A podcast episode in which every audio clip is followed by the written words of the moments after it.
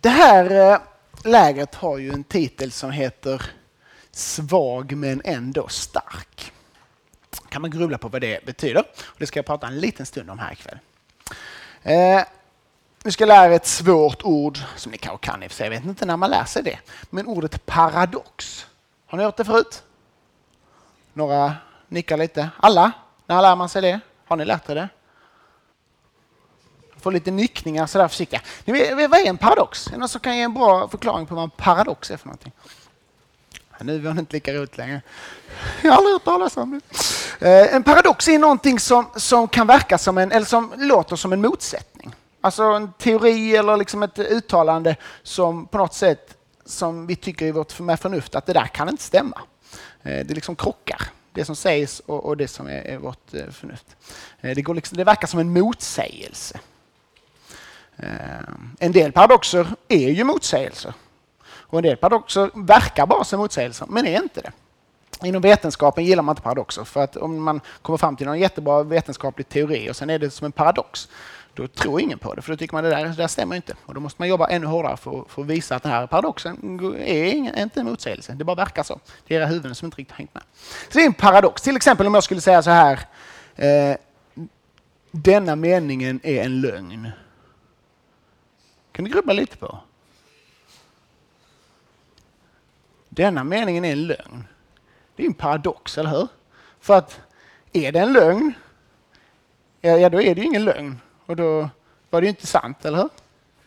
Men är det en lögn? Ja, ni fattar. Är ni med? Denna meningen är en lögn. I så fall är det ju sant att det är en lögn och då är det inte en lögn längre. Ja, ni fattar. Är alla med på den? En paradox. Det verkar som att hmm, det här går inte ihop. Och det inser vi att den paradoxen den, säger, den visar att nej, det, det, här det gick inte ihop. Man kan inte säga så. Eh, för det stämmer inte. Men det finns andra saker som kan verka som motsägelser, men som inte är det.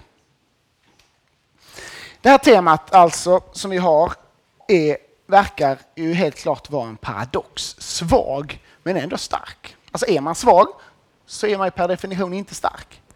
Och är man stark så är man inte svag. Är ni med på? Det finns något liksom, hmm, men hallå, så kan det inte vara riktigt. Eh, och, och, eh, vi ska stanna upp för, för, den, eh, för denna, eh, detta begrepp eller liksom, eh, och prata om det här i, i den här helgen. Eh, hur, hur det kanske faktiskt kan vara så att, att svaghet på ett sätt kan vara en styrka. Att det kan göra oss starka, det som, som, som är svagt vi strävar ju alltid efter det som är starkt och rätt och gott och, och bra. Liksom. Så det, det, det, är ju, och det är bra. Eh, men inom, kristen, inom kristendomen och inför Gud så verkar det vara så att svaghet väldigt sällan är ett problem. Men styrka däremot ibland verkar vara ett problem för Gud. Nu sitter det ut som frågetecken så här på fredag kväll efter en lång skolvecka. Eh, men, men det är som sagt det vi ska, ska prata lite om. Eh, Jag vill läsa ett bibelstycke eh, för er idag som, som det här uttrycket är hämtat ifrån. Och det är från andra Korintierbrevet kapitel 12. Eh, och det är ett lite märkligt stycke så, vi kastas in i det, men det, det är Paulus som skriver. Eh, han har varit med om rätt så häftiga saker, han har fått se stora liksom, eh, eh himmelska uppenbarelser och så här. Eh, och så, så, så, skriver han så här. Eh, då, för er som vill hänga med så är det andra Korinthierbrevet 12, vers 7 och framåt. Och för att jag inte ska bli högmodig på grund av dessa utomordentligt höga uppenbarelser har jag fått en törntagg i köttet. En satans ängel som slår mig i ansiktet för att jag inte ska förhäva mig. Tre gånger bad jag att Herren skulle ta den ifrån mig, men han svarade mig, min nåd är nog för dig. Ty kraften fullkomnas i svaghet. Därför vill jag hellre berömma mig av min svaghet för att Kristi kraft ska vila över mig. Så gläder jag mig över svaghet, misshandel och nöd, över förföljelser och ångest eftersom det sker för Kristus. Ty när jag är svag, då är jag stark. Vi kan väl be tillsammans. Jesus, tack för att vi får läsa ditt ord, tack för att vi får läsa Bibeln. Och Eh, du ser att den här texten kan verka rätt så klurig och konstig, Herre.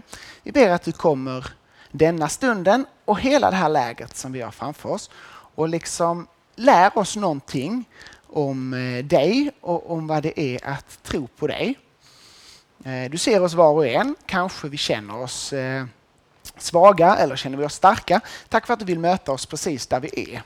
Eh, det ber vi verkligen. Jag ber att du ska, ska tala till oss den här stunden. Du ser att vi är, är trötta kanske och sega. Jag ber att du ska ge oss någonting viktigt från dig den här stunden.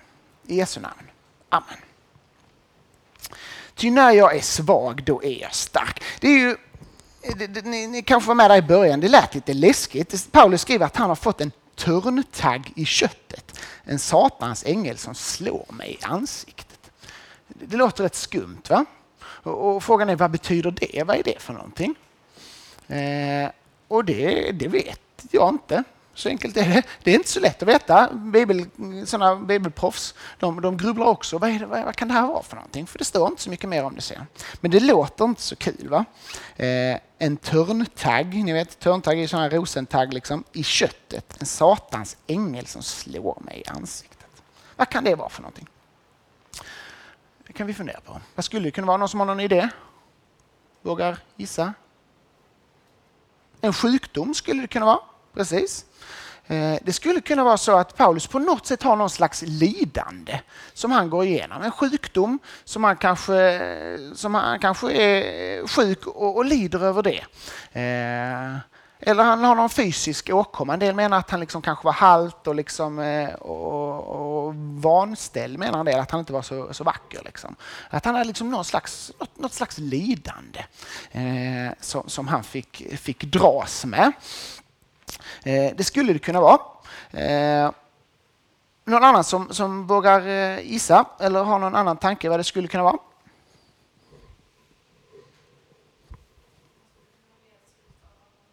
Nedtryckt av andra, precis.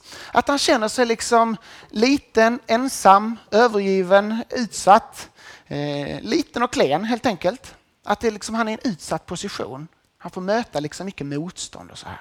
Och det skulle mycket väl kunna vara det.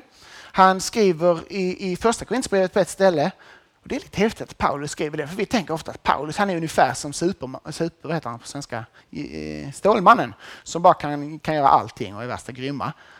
Men så skriver Paulus i första Korinthierbrevet till Korintierna att när jag kom till er då var jag svag, rädd och mycket orolig. Ah, skriver Paulus det? Det är nästan så att det skulle kunna vara jag. Eller vad känner ni? Tänk att Paulus kände så. När han kom och skulle predika kände han sig svag, rädd och mycket orolig. Någon som känner igen sig i det? Ni behöver inte vifta med händerna, men så kan det vara ibland. Om jag skulle be er att predika här lite nu så kanske någon av er hade känt sig lite svag, lite rädd och lite orolig. Det gjorde Paulus med. Det kan vara något, något sånt.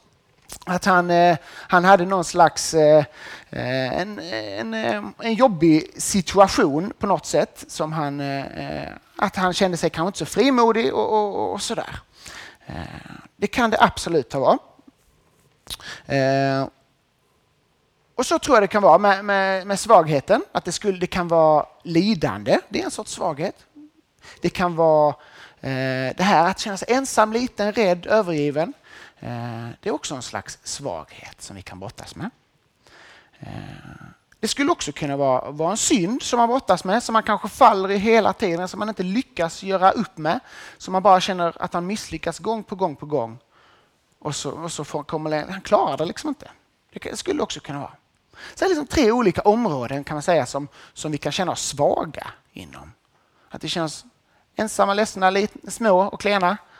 Att vi har någon form av lidande, sjukdom, sorg eh, som är över oss. Eller det här med synden, att vi känner att oh, vad jag är svag, jag misslyckas och gör fel hela tiden. Så. Eh, och, och det verkar ju verkligen som att Paulus vill bli av med den. Det står att han tre gånger bad jag till Gud att han skulle ta den ifrån mig. Så det är verkligen något som, som Paulus lider av och tycker är jobbigt. Eh, och då kan vi såklart fundera på varför ska det vara så här? Varför, varför ska han behöva ha det så här jobbigt? Liksom? Är, är det någon mer än jag som kan tänka så? Ska han behöva, varför ska det behöva vara så här? För Gud svarar ju honom men han låter ändå det vara kvar. Så jobbigt för honom, vad det nu än är. Eh, varför och, och, hur funkar det här med att, att Gud vill att han ska vara att han, eller att på något sätt att han får vara svag eh, för att kunna vara stark. Kristen tro målar ju upp att vi människor, att vi är, vi är hjälplösa. Det är ju på något sätt kristen eh, tros liksom, och, och Bibelns ord om oss människor, att vi är hjälplösa. Vi liksom klarar inte, vi sitter i en situation som vi inte fixar, som vi inte klarar själva. Om man liksom är i en eh, jag vet inte vad. Om jag skulle köra ut med, med en helikopter och dumpa er mitt i Atlanten så skulle ni kunna simma runt där lite. Men ni är ändå rätt så hjälplösa. Ni behöver någon som, som hjälper er. Eller om vi skulle låsa in er i ett kassavalv, då är det en hjälplös situation. Du behöver hjälp utifrån. så att säga. Man fick komma ut själv. Man tar massa dynamit och grejer med sig. Men det, det, så, så, är det inte i den bilden. Så att vi, Bibeln målar upp att vi är i en hjälplös situation, vi människor. Och det kan verka dystert, men jag tror att det är sant. Eh, och vi kan ibland, och jag tror många människor tycker att eh, ja, men vi är väl inte så hjälplösa. Jag, jag, jag kan väl liksom klara det mesta. så. Och ja, på ett sätt kan man säga så. så. Har du matteprov på måndag, det har du inte för det är lov då. Men om du skulle ha det så kanske, du säga, men så hjälplös är jag inte. Jag är rätt bra på matte och sådär. Men om vi lyfter perspektivet lite. Om vi tänker på, på till exempel döden. Så kan man ändå inse, okej, okay, vi är rätt så hjälplösa vi människor. Vad kan vi göra åt det? Vi är en rätt så utsatt situation. Och vi tänker, som Bibeln säger, att vi människor dessutom är skilda från Gud. Och Gud är livet. Så inser vi att det här är inte bara en liten död en liten stund, utan det är hela det eviga livet. Inför det är jag hjälplös. Är ni med? Så Bibelns liksom ord om människan är att människan är i en hjälplös situation. Att vi, liksom, vi, vi sitter i en situation där, som vi inte klarar Eh, och klarar eh, själva. Och så kommer då evangeliet, hela den kristna trons budskap är ju att Gud griper in. Han kastar ner liksom en livboj till dig när du plaskar runt i Atlanten. Han kommer och kan koden på det där kassavalvet och släpper ut dig. Han, griper, han kommer liksom utifrån och griper in så att du kan komma ut. Är Det är ju liksom vad kristen tro handlar om. Kristen tro är inte fem steg att ta sig ut ur ett kassavalv eller fem steg hur man lyckas överleva när man ligger mitt ute i Atlanten. Utan det är ju, här har kommit någon och räddat, någon har gripit in, någon har hjälpt. Eh, och, och, eh, därför är ju tron är ju det som räddar. Att tro på Jesus, det är liksom det kristna grundbudskapet. Tron på Jesus, den räddar. Och vad är då tro? Jo, men det är att, att ropa på hjälp, att hoppas på hjälp och att lita på den hjälpen, som är, att, att Jesus är den hjälpen. Att han räddar, att han hjälper. Att utan honom så är vi inte i en hopplös situation längre. Utan honom är vi tvärtom i en fantastisk situation i gemenskap med Gud igen. Men är med? om det är liksom mänsklighetens situation eh, så kanske vi kan... Då, då inser vi att då är det viktigaste som finns, det är att behöva Jesus. Eller hur? Om det här är mänsklighetens situation, att vi sitter i ett kassavalv, att vi plaskar ut i Atlanten, ja då är det viktigast att vi inser att ja, jag behöver hjälp. Liksom, och ta emot den hjälpen. Är ni med på det? Om det är så att människan är i en hjälplös situation, då är det viktigaste som finns att behöva Jesus. Och då kanske vi lite kan förstå en av poängerna med att den som är svag är stark. Kan ni ana vart vi är på väg? liksom? För det är så att om man är, eh, om man är stark så tänker man ju någonstans ändå att man fixar det själv. Eller hur? Men om jag är svag, då inser jag att jag behöver hjälp. Tänk er Titanic. Har ni sett filmen Titanic? Ja, det är en gammal nu, men, men det, är ju liksom, ja, det har ju hänt på riktigt med. Det kanske ni inte visste? Jo, det visste ni. Eh, det var en båt som sjönk. Tänk, tänk, om, tänk om det fanns någon på, ombord på den där båten som var jätteduktig på att simma. Och så börjar båten liksom sjunka och alla var livrädda och han bara går runt så här. Ja, jag kan simma. Det är lugnt, jag kan simma. Kan du inte simma? Åh, stackars dig. Men håna de som inte kan simma. Åh, fy, det är kört för dig. Men ja, jag kan simma. Ja, jag vill inte ta det hur lugnt som helst för att jag kan simma, det är inga problem. Vi sjunker, ja, ja, jag simmar, inga problem. Då är frågan, är det bra att kunna simma i det läget? När det är liksom minusgrader i vattnet typ. Eller är det rätt så bra inse att okej, okay, jag är i en utsatt situation för jag kan inte simma. Var är livbåtarna? Är ni med? Där skulle faktiskt styrkan kunna bli en svaghet och svagheten en styrka. Nu när det är oktober så är det lite så förkylningstider. Är det någon som är förkyld här lite? Ja, några Sådär, precis. Och, och det är så här, förkylningar, för mig, så, de tar aldrig slut. Man kan ha en förkylning hur länge som helst. Någon som känner igen sig i det? Ja. Eh, och varför? För att man är så här, jag är ju inte sjuk, så att man bara fortsätter leva på. Och så, så, eh, så gör man liksom inget åt det. Och så bara blir förkylningen typ sju månader. Typ i april är man färdig sen. Åh, vad gött, det kom ut på andra sidan.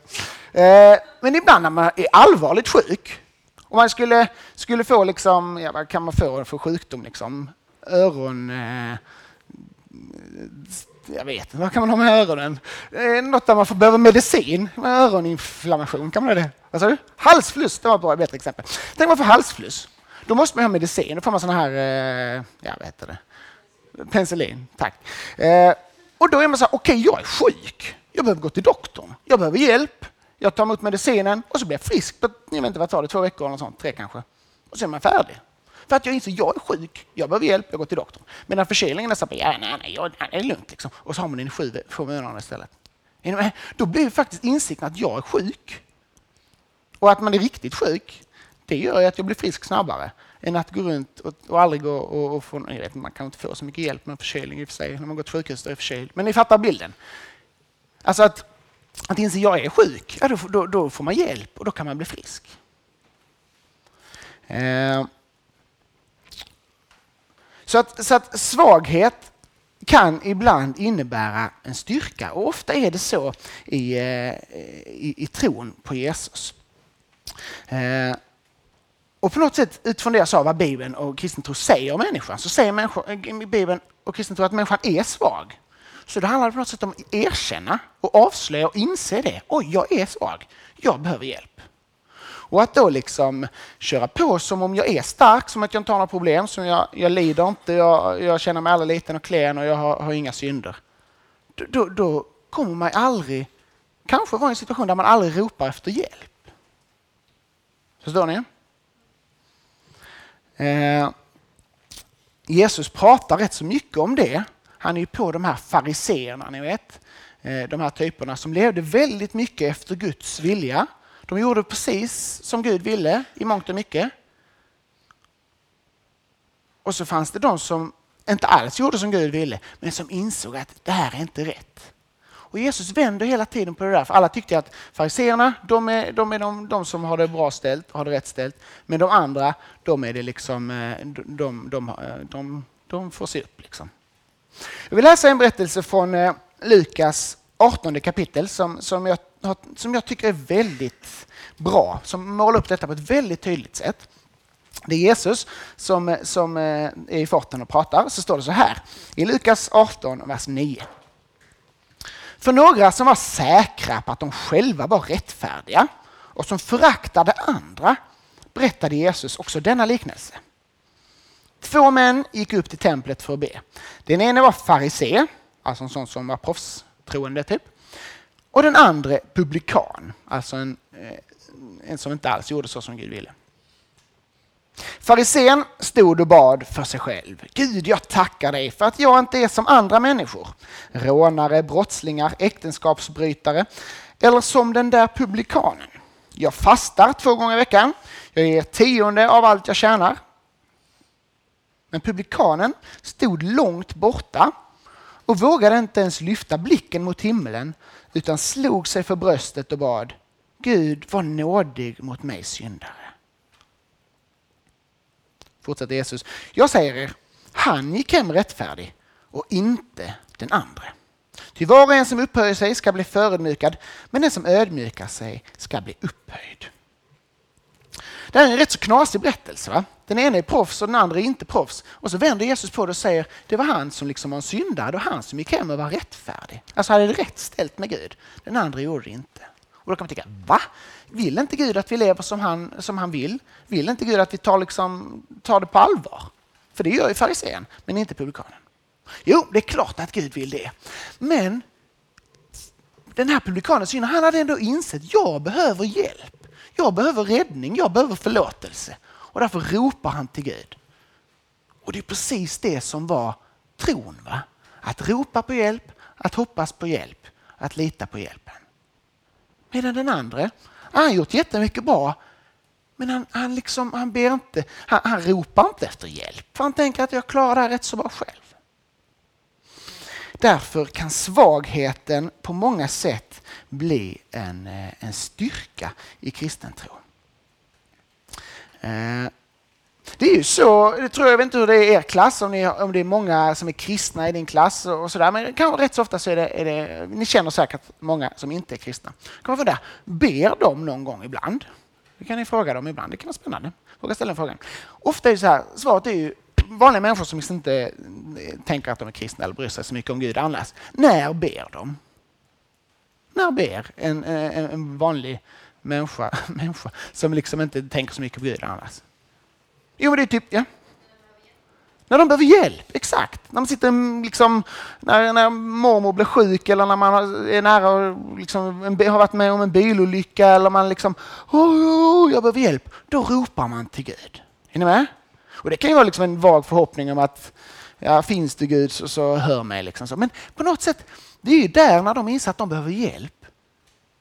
Om kristen tro och beskrivningen som kristen tro ger för, över människan, om den är sann och rätt, så är det när de inser att okej, okay, mormor är döende, okej, okay, jag har varit med om en bilolycka, okej, okay, hela tryggheten skakas om, om, omkull. Liksom. Det är då de är som närmst liksom, sanningen om dem själva, att de är hjälplösa. Och när de är i en hjälplös situation, ja då är det också naturligt att man ropar för man behöver hjälp. Alltså, med, I de situationerna så inser kanske den som i vanliga fall tänker, äh, vad ska jag med Gud till? Då inser den att jag, jag måste ropa på hjälp för jag har, är ju hjälplös. Jag, jag klarar inte det här själv. Jag har inte kontroll på den här situationen. Uh. Vi kan ju tycka att Gud är rätt så hård mot Paulus i den här texten. Paulus ber tre gånger. Tre gånger bad jag att Herren skulle ta det här otäcka ifrån mig. Men han svarade mig, min nåd är nog för dig. Min nåd är nog för dig. Alltså det som du har i mig, det är liksom nog, det räcker så att säga. Eh, Vill Gud att vi ska ha det jobbigt? Vill Gud att vi ska lida? Att vi, att vi ska känna oss små, klena och rädda? Att vi ska vara syndiga? Nej, det är klart att Gud egentligen inte vill det. Ja, Gud vill ju vårt bästa på ett sätt. Samtidigt så vet ju Gud vad som är det riktigt viktiga för oss. Att vi inser vår situation, vi behöver hjälp. Är ni med? Och då kanske Gud ibland kan låta oss få vara i det där jobbiga som Paulus får vara.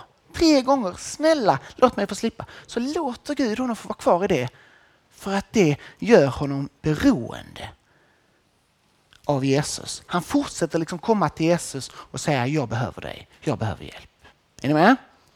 Jesus är liksom Jesus vill verkligen hjälpa er med era bekymmer och det som ni tycker är jobbigt i era liv. Men ibland tänker vi att Jesus är en slags här hjälpautomat vars uppgift är att ge mig ett softare liv. Om jag trycker på en knapp så får jag ut det jag vill ha. Och så när vi då inte får det, som Paulus i den här situationen, så känner vi att Gud är långt borta, han bryr sig inte om mig. Och sådär. Och så, Gud är inte långt borta. Och det är inte så att Gud inte bryr sig. För Gud, och Gud lider med, med oss när vi lider. Han bryr sig om oss på riktigt. Han vill inte att vi ska behöva ha det så. Samtidigt så vet han att när vi är svaga, då är vi också starka i honom. Då får vi hoppas på honom istället för på oss själva. Paulus har liksom gjort den erfarenheten. Han inser att när han, är liksom som, när han känner sig som, som sämst eller som svagast, eller, då inser han att, har han fått inse att då blir liksom Guds kraft ännu starkare och ännu tydligare. För då blir jag beroende av honom. Jag tror det är en erfarenhet som eh, man kan få göra, vi också. Att upptäcka detta. Att, att Jesus får liksom bli ännu större och ännu viktigare. Eh, för det finns ändå en risk, det tror jag vi känner igen allihopa, att man på något sätt, när allt går bra, så är det så, ja, vad ska jag med Gud till? Liksom. Men ibland när det är kämpigt, ja då ropar vi kanske lite mer efter Gud. Så tror jag verkligen som sagt att Gud vill hjälpa oss i det som är våra bekymmer. Men han vill liksom ändå hålla oss i ett beroende av honom. Att vi lever nära honom. Ehm, Paulus till och med gläder sig över det. Han säger det i vers 10 som jag läste till slut. Så glädjer jag mig över svaghet, misshandel och nöd. What? Han gläder sig över svaghet, mm, misshandel, nöd, över förföljelse och ångest. Är ni med? Han kan liksom glädjas över det. För han vet att han gör det liksom tillsammans med Jesus och det gör honom beroende av Jesus. Ty när jag är svag, då är jag stark. Eh, jag vet inte var du är, var du, eh, hur du har det i ditt liv just nu, vad du kämpar med, vad du tycker är jobbigt. Om du liksom på många sätt kanske lider sjukdom, svårigheter eller så på olika sätt. Eller om du brottas med en synd och känner att jag är jag platsar inte som kristen, jag, kan, jag liksom duger inte, jag klarar inte det här. Eller om du känner dig liksom rädd, ensam, övergiven. Jag vet inte hur du har det. Men på något sätt är budskapet att kom till Gud med den. Låt den liksom bristen, den svagheten få driva dig till Jesus. Låt det få bli liksom eh, en, eh, något som, som gör att du flyr till honom och ropar till honom och säger Jesus, jag behöver dig. Jag behöver din hjälp. Jag behöver din räddning. För Jag tror att erfarenheten då kan bli också att när det är som tuffast, när det är som jobbigast, så är ändå Gud där och bär och hjälper. Och jag får inse att jag får tillhöra honom. Jag får vara förlåten. Jag får vara liksom stark i honom. Så svaghet behöver inte vara ett problem för Gud. Kanske är det ibland så att styrka istället är ett problem för Gud. Och då behöver vi liksom inte fejka inför Gud och säga oh, jag är rätt så bra Gud. Utan tvärtom, kolla så det ser ut Gud. Och så får jag ta emot hans kärlek lika mycket ändå. Så behöver vi inte fejka inför varandra och säga jag är rätt så duktig, jag är bra. Vi behöver liksom inte hålla på och jämföra oss och spela, liksom, spela, spela proffs inför varandra. Utan vi kan få ärliga i det och hjälpa varandra istället. Och tillsammans be Gud om, om hans kraft och hans hjälp. Och också till allra sist här. Paulus han var svag, rädd och mycket orolig när han skulle komma och predika. Jag tror att vi kan känna oss så ibland. Kan jag göra någonting för Gud? Kan jag på något sätt få betyda någonting för någon annan? Nej, jag är för liten, för svag och för rädd för det. Jag tror att erfarenhet väldigt ofta när man känner att jag kan inte det här.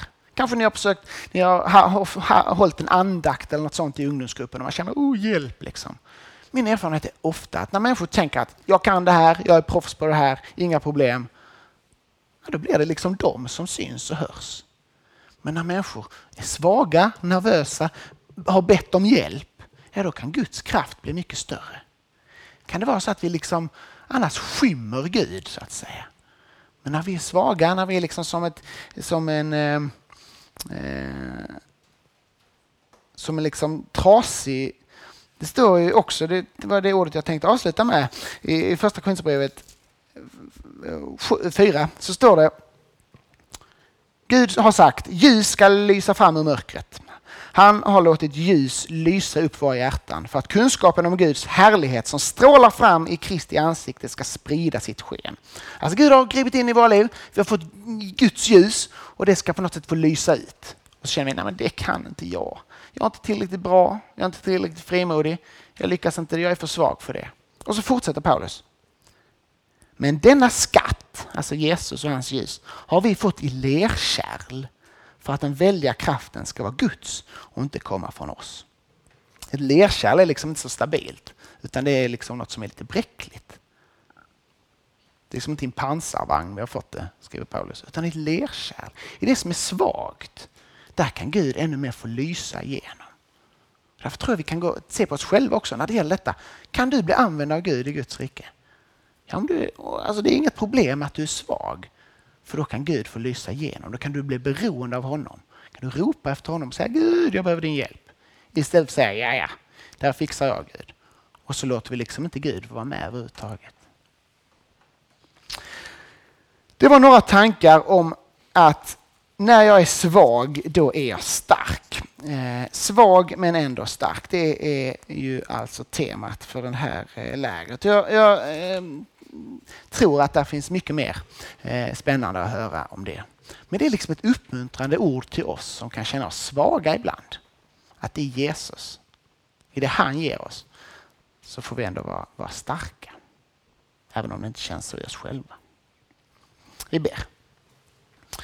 Tack Jesus för eh, det här att kristen tro inte handlar om att vi ska klättra upp till dig och visa vad vi kan utan att vi får vara svaga och ropa efter dig, ropa efter hjälp. Och jag ber att var och en av oss här inne ska komma till den punkten eh, där vi inser att vi behöver din hjälp. Och ropa efter dig från djupet av våra hjärtan. Det kan vara smärtsamt att inse att vi, vi är svaga och, och ofta är det jobbigt kanske. Men tack för att det inte är ett problem för dig, för du möter oss med din kärlek, med din nåd och din barmhärtighet. Nu ber vi för hela den här helgen också och lägga den i dina händer och ber verkligen att du ska få, få jobba med oss och i oss eh, dessa dagarna. Vi lämnar allt i dina händer i Jesu namn. Amen.